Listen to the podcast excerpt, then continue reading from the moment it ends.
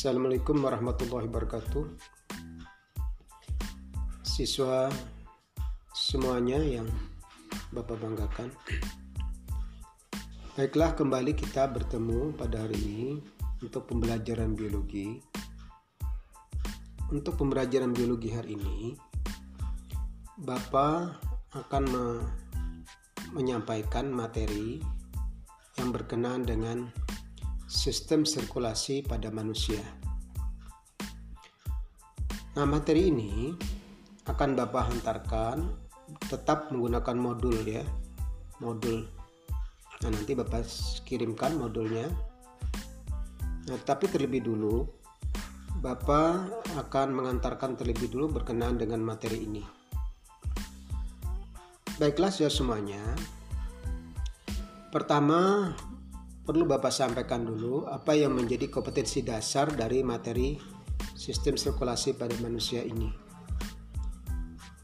Pertama, kompetensi dasar pengetahuan yaitu kemampuan menganalisis ya, kemampuan berpikir menganalisis hubungan antara struktur jaringan penyusun organ pada sistem sirkulasi dalam kaitannya dengan bioproses dan gangguan fungsi yang dapat terjadi pada sistem sirkulasi manusia. Itu kompetensi dasar pengetahuan.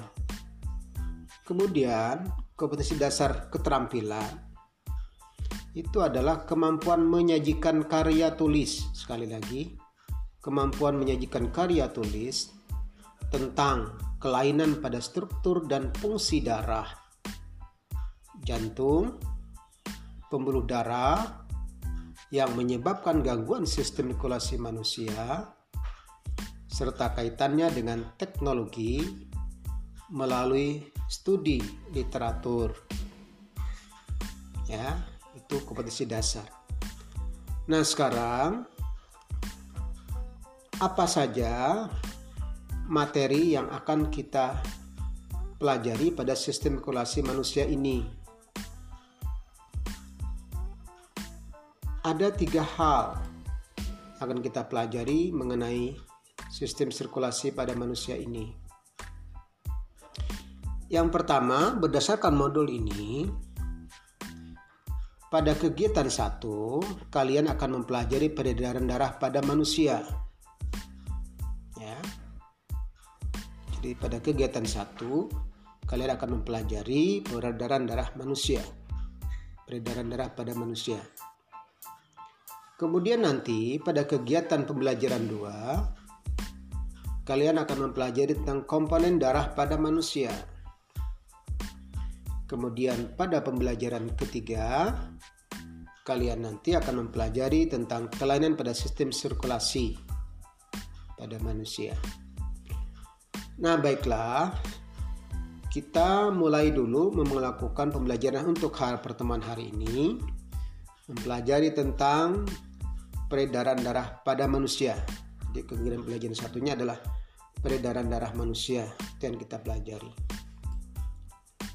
Sekarang apa yang menjadi tujuan pembelajaran tentang peredaran darah manusia ini? Tujuannya ada tiga berdasarkan modul ini ya.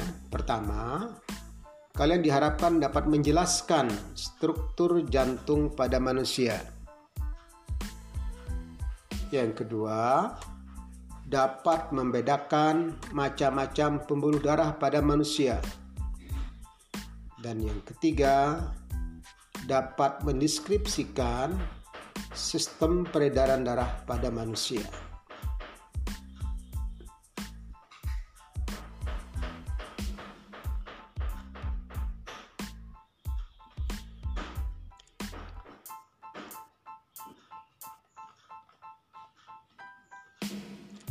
Siswa semuanya, kita tahu bahwa setiap saat tubuh manusia selalu melakukan proses sirkulasi untuk bermaka berbagai macam zat yang ada yang dibutuhkan oleh tubuh kita. Nah, Untuk melakukan sistem sirkulasi itu, maka perlu adanya media pengantar dan alat-alat yang berperan dalam sistem sirkulasi itu. Nah, media pengantarnya adalah media pengantar dan alat-alat yang berperan dalam sirkulasi itu adalah sudah barang tentu meliputi jantung, ada darah, ada pembuluh darah, saya kira. Nah, kita tahu bahwa manusia dalam hidupnya itu memerlukan makanan dan oksigen untuk melangsungkan metabolisme. Nah, kemudian dari kegiatan metabolisme itu akan menghasilkan energi, tetapi juga akan menghasilkan zat sisa yang berupa sampah yang harus dikeluarkan dari tubuh.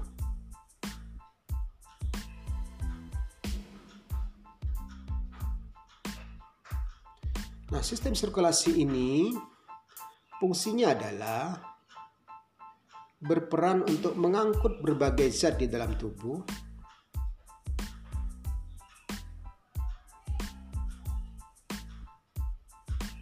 kemudian mengeluarkan zat sisa keluar tubuh. Nanti lebih jelasnya mari kita lihat apa saja fungsi peredaran darah manusia itu minimal ada lima ada enam ada ada lima fungsi. Pertama, mengedarkan oksigen dari paru-paru ke seluruh tubuh dan mengangkut karbon dioksida sebagai zat sisa aktivitas dari tubuh ke paru-paru untuk dibuang. Yang kedua, mengangkut nutrisi yang diperlukan untuk metabolisme tubuh dari sistem pencernaan dan membawa sisa metabolisme itu ke ginjal untuk dibuang keluar tubuh. Yang ketiga, untuk mengangkut hormon ke organ-organ organ-organ tubuh sasaran. Kemudian yang keempat, untuk mengangkut sistem kekebalan tubuh guna mempertahankan tubuh dari berbagai serangan hama penyakit. Kemudian yang kelima, mengatur suhu tubuh. Nah, itu fungsi daripada sistem sirkulasi atau sistem peredaran darah.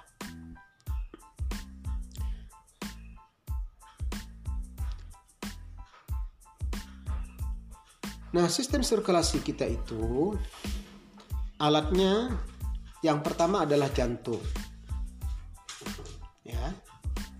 Yang kedua adalah pembuluh darah. Nah, kemudian yang ketiga adalah darah itu sendiri. Nah, sekarang akan Bapak hantarkan sedikit mengenai jantung.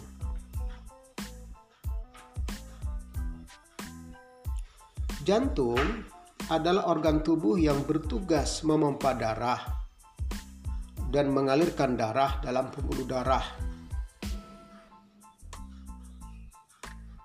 Ya, jantung kita itu letaknya pada rongga dada di antara kedua paru-paru di atas diafragma dengan posisi condong ke kiri. Nah, jantung itu dilapisi oleh tiga lapisan. Ya, otot.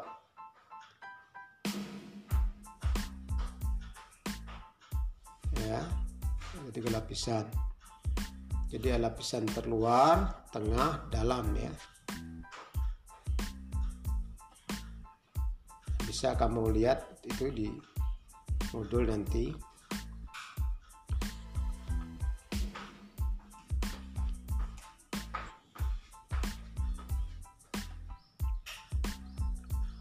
Nah, jantung kita itu sekali lagi jantung kita ada tiga lapisan saya katakan tadi. Yang pertama lapisan terluar itu adalah perikardium namanya. Kemudian yang tengahnya adalah miokardium merupakan otot jantung dan lapisan paling dalam adalah endokardium. Itu pembatas rongga bagian dalam. Nah kemudian jantung kita itu ada empat ada atrium kanan. Kemudian ada atrium kiri. Ada ventrikel kanan. Ada ventrikel kiri.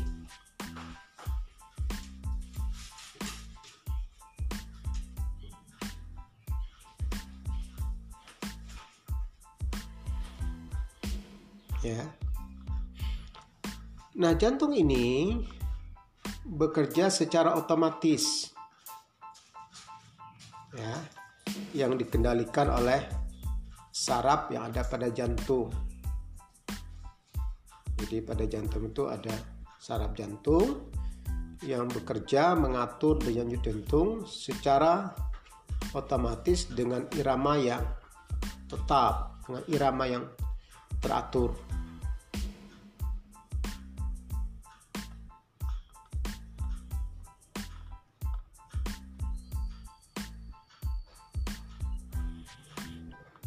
Nah, kemudian yang kedua, pembuluh darah.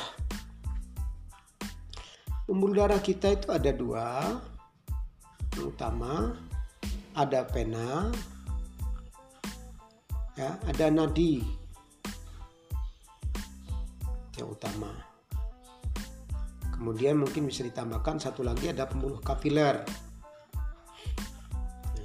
Pembuluh nadi itu perannya adalah membawa darah meninggalkan jantung menuju ke seluruh tubuh dengan membawa sejumlah oksigen ya kecuali nadi paru-paru yang fungsinya mengangkut karbon dioksida dari jantung ke paru-paru. Nah, kemudian pembuluh pena itu fungsinya adalah mengangkut darah menuju jantung yang isi darahnya adalah kaya dengan karbon dioksida kecuali pina pulmonalis yang membawa darah dari paru-paru menuju jantung. Nah, kemudian untuk kapiler itu adalah fungsinya menyebarkan darah ke seluruh tubuh. Nah, kemudian mengembalikannya lagi nanti ke pembuluh balik. Nah, jadi pembuluh kapiler adalah pembuluh darah yang paling banyak yang tersebar di seluruh jaringan tubuh. Jadi dikatakan pada orang dewasa jumlah atau panjang dari pembuluh kapiler ini kurang lebih 90.000 km panjangnya. Nah nanti bisa kalian lihat apa perbedaan antara pembuluh nadi dengan pena serta kapiler itu pada modul ya. Nah, kemudian sistem peredaran darah. Sistem peredaran darah kita adalah merupakan peredaran darah tertutup. Ini perlu saya katakan dulu harus disebut dengan peredaran darah tertutup dan peredaran darah ganda. Jadi tertutup dan ganda. Jadi memang kalau darah itu kan ada dua, pada makhluk hidup itu ada, pada hewan itu ada terbuka, ada tertutup. Nah kemudian tertutup itu ada yang tunggal, ada yang ganda. Ya. Nah kalau peredaran darah terbuka, itu artinya darah mengalir tidak selalu dalam pembuluh, tidak selamanya dalam pembuluh darah. Jadi satu saat di dalam pembuluh darah, saat yang lain di luar pembuluh darah. Itu namanya peredaran darah terbuka misalnya pada serangga atau belalang. Nah, tetapi kalau pada manusia, peredaran darahnya termasuk peredaran darah tertutup. Kenapa tertutup? Karena dia selalu beredar dalam pembuluh darah. Nah, kemudian peredaran darah manusia itu termasuk peredaran darah ganda, bukan tunggal. Kenapa dikatakan ganda? Karena darah melalui jantung ada dua kali ya. Dalam satu kali dalam satu siklus peredaran. Jadi dia melewati jantung itu ada dua kali. Dalam satu siklus peredaran. Itu namanya berdarah ganda. Tapi kalau berdarah tunggal itu artinya darah darah itu dalam satu siklus peredaran itu hanya satu kali misalnya pada ikan. Ya jadi ikan itu termasuk peredaran darah tertutup tapi bersifat tunggal tapi kalau manusia itu berdarah tertutup dan bersifat ganda nah kemudian berdasarkan cara kerjanya peredaran darah manusia ini terdiri atas dua peredaran darah kecil, dan peredaran darah besar. Nah, dikatakan peredaran darah kecil itu peredaratannya itu antara jantung dan paru-paru saja. Itu dikatakan kecil. Jadi de, urutannya nanti dari belik kanan jantung terus ke arteri pulmonalis kemudian ke paru-paru, kemudian di paru-paru ke vena pulmonalis, kembali lagi ke jantung. Tepatnya serambi kiri. Itu namanya peredaran darah kecil. Kemudian peredaran darah besar itu antara jantung dengan jaringan tubuh. Jadi jantung bilik kiri melalui arta ke seluruh tubuh, kemudian tubuh ke vena cava, kembali ke jantung serambi kanan itu adalah peredaran darah besar.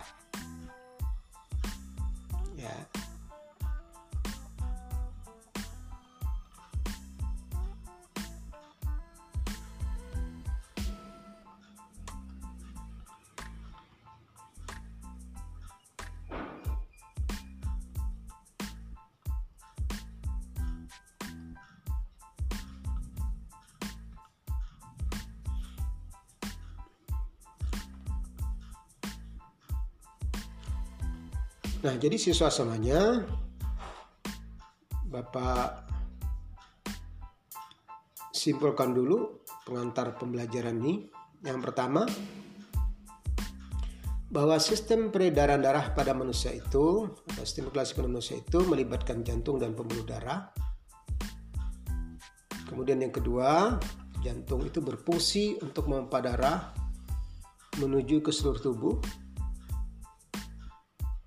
strukturnya ada empat ruangan yaitu serambi kiri, serambi kanan, bilik kiri dan bilik kanan. Kemudian yang ketiga, pembuluh darah dapat terdiri atas tiga macam yaitu arteri atau nadi, kemudian vena atau balik, kemudian kapiler. Nah, kemudian peredaran darah manusia berdasarkan tipenya adalah peredaran darah ganda dan tertutup. Sedangkan berdasarkan mekanisme kerjanya, peredaran manusia itu di atas dua, itu ada peredaran darah kecil dan ada peredaran darah besar. Nah sekarang tugas kalian adalah diperhatikan modul nanti jadi kalian membuat laporan nanti membuat itu ada tugas mandiri yaitu melakukan percobaan menghitung denyut nadi. Itu modul halaman 14 nanti ya. Itu bisa kalian lihat. Jadi tugasnya kalian nanti melakukan percobaan dengan menghitung denyut nadi. Dengan langkah kerja misalnya sediakanlah jam tangan atau stopwatch kalau ada. Hitunglah denyut nadi Anda dengan cara berikut. Tempelkan jari telunjuk dan jari tengah Anda pada pergelangan tangan. Bila perlu tekan sedikit hingga denyutnya semakin terasa. Hitunglah jumlah denyut nadi dalam satu menit kemudian catat. Ulangi sebanyak tiga kali kemudian ambil rata-ratanya. Empat, hitung pula denyut nadi Anda setelah selesai berlari-lari selama satu menit. Lima, kumpulkan data penghitungan jumlah nadi seluruh teman diskusi Anda. Kumpulkan data penghitungan jumlah nadi teman kelompok Anda saja ya. Jadi tidak perlu sekelas. Misalnya teman kalian empat ya. Kumpulkan data penghitungan jumlah nadi seluruh kelompok Anda. Jadi empat orang sajalah. Dan kemudian bandingkan. Nah nanti jawab pertanyaan ini. Ada pertanyaannya. Nah, kemudian ini ada datanya. Nanti kalian bikin laporannya ya. Laporannya dengan format dengan format ya, format laporan praktikum praktikum atau percobaan di rumah itu bisa kalian bisa kalian buka buku. Atau bisa kalian catat ya format laporannya. Pertama judul. Judulnya adalah eksperimen menghitung denyut nadi. Itu di judulnya. Kemudian tujuannya adalah untuk mengetahui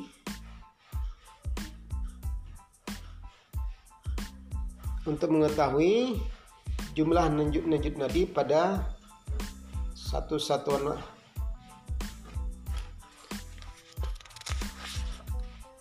jadi untuk mengetahui jumlah denyut nadi pada satu satuan pada suatu waktu tertentu ya. Jadi untuk menghitung lanjut nadi pada satuan waktu tertentu tujuannya. Kemudian alat dan bahan ya sudah barang tadi adalah jam tangan atau arloji ya. Kemudian pulpen, pulpen dan kertas segala untuk mencatat ya itu alatnya. Kemudian cara kerja ini sudah. Nanti kalian robah cara kerja ini menyediakan arloji jadi jawaban laporan jangan sidangan lagi tapi menyediakan. Kemudian menempelkan gitu ya. Ini dirubah nanti menjadi kalimat laporan kalimat laporan di bukan kalimat perintah lagi tapi kalimat laporan. Nah kemudian hasil pengamatan dituangkan dalam bentuk tabel ini. Ini ada tabelnya tabel pengamatan. Itu di bawah. Kemudian hasil diskusi itu berupa jawaban pertanyaan ini. Jawaban pertanyaan ada pertanyaannya pada modul ya. Nah kemudian kesimpulan. Nah jadi saya ulangi untuk tugas itu kalian melakukan percobaan tentang menghitung denyut nadi. Ini pada modul halaman 14 nah nanti hasil kegiatannya kalian buat semacam laporan praktikum dengan format sekali lagi dengan format dengan bentuk. Pertama ada judul. Judulnya adalah menghitung denyut nadi. Kemudian yang kedua tujuannya. Tujuannya untuk mengetahui jumlah jumlah denyut nadi pada satu, satu satuan waktu tertentu.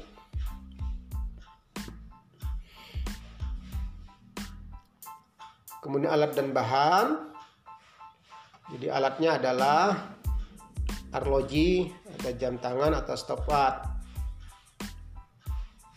kemudian kertas dan pen saya kira ya untuk mencatat nah kemudian cara kerja itu ada pada modul ini tapi nanti cara kerja tidak lagi kalimat perintah tapi rubah kalimatnya menjadi kalimat laporan. Jadi kalau sediakan robah menjadi menyediakan stopwatch atau arloji. Kemudian menghitung denyut nadi dan seterusnya. Yang kedua menempelkan dan seterusnya ya. Nah kemudian yang ketiga, eh, yang keempat, eh, yang keempat apa? Yang keempat, eh yang berapa tuh? Satu judul, kedua tujuan, ketiga alat bahan, keempat cara kerja yang kelima hasil pengamatan hasil pengamatan nanti kamu kalian tuangkan dalam bentuk tabel ini seperti pada modul halaman 14 kemudian hasil diskusi itu berupa jawaban pertanyaan atau merupakan analisa kalian dari perbandingan antara kawan-kawan kalian. Nanti ada empat orang kawan ya. Saya minta empat orang. Jadi satu kelompok empat orang. Ya. Kemudian yang berikutnya kesimpulan. Nah, jadi sekali lagi format laporan itu ada satu judul, kedua tujuan, ketiga alat dan bahan, keempat cara kerja, kelima hasil pengamatan, keenam hasil diskusi, dan terakhir kesimpulan. Nah, saya kira itu tugas untuk kalian dalam mempelajari tentang masalah peredaran darah pada manusia ini ya.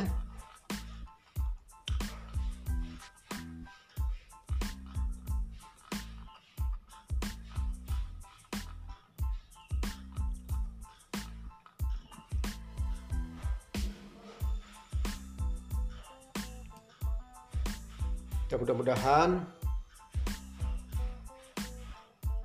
materi ini bisa kalian pelajari dengan baik ya.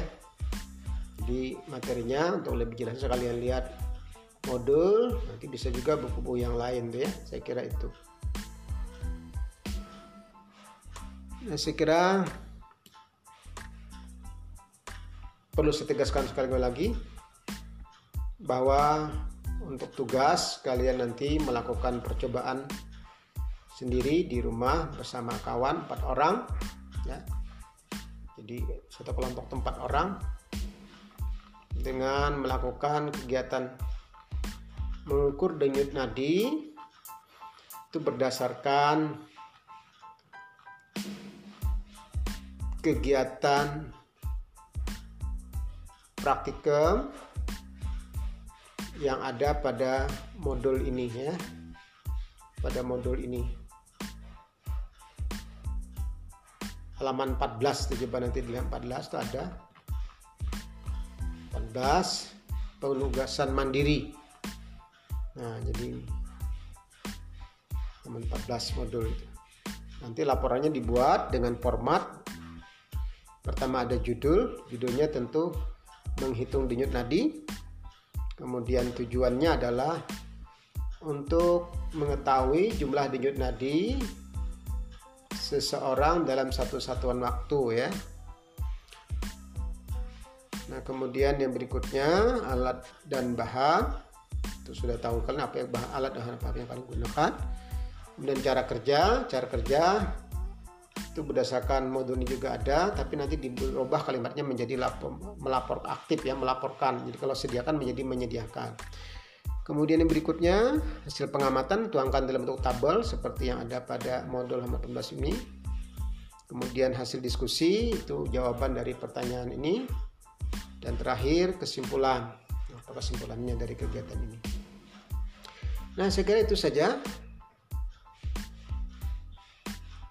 pengantar pertemuan ini. Dan untuk lebih jelasnya silahkan kalian baca modul ini ya. Yang judulnya tentang kegiatan pembelajaran satu yaitu berkenaan dengan peredaran darah pada manusia ya saya itu. Nah itu saja pertemuan kita.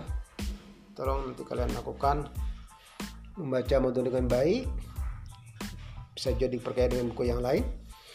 Kemudian nanti kegiatan lakukan kegiatan percobaan untuk menghitung denyut nadi. Secara berkelompok ya setiap kelompok ada empat orang. Nah sekira itu saja mohon maaf segala kurang akhir kata assalamualaikum warahmatullahi wabarakatuh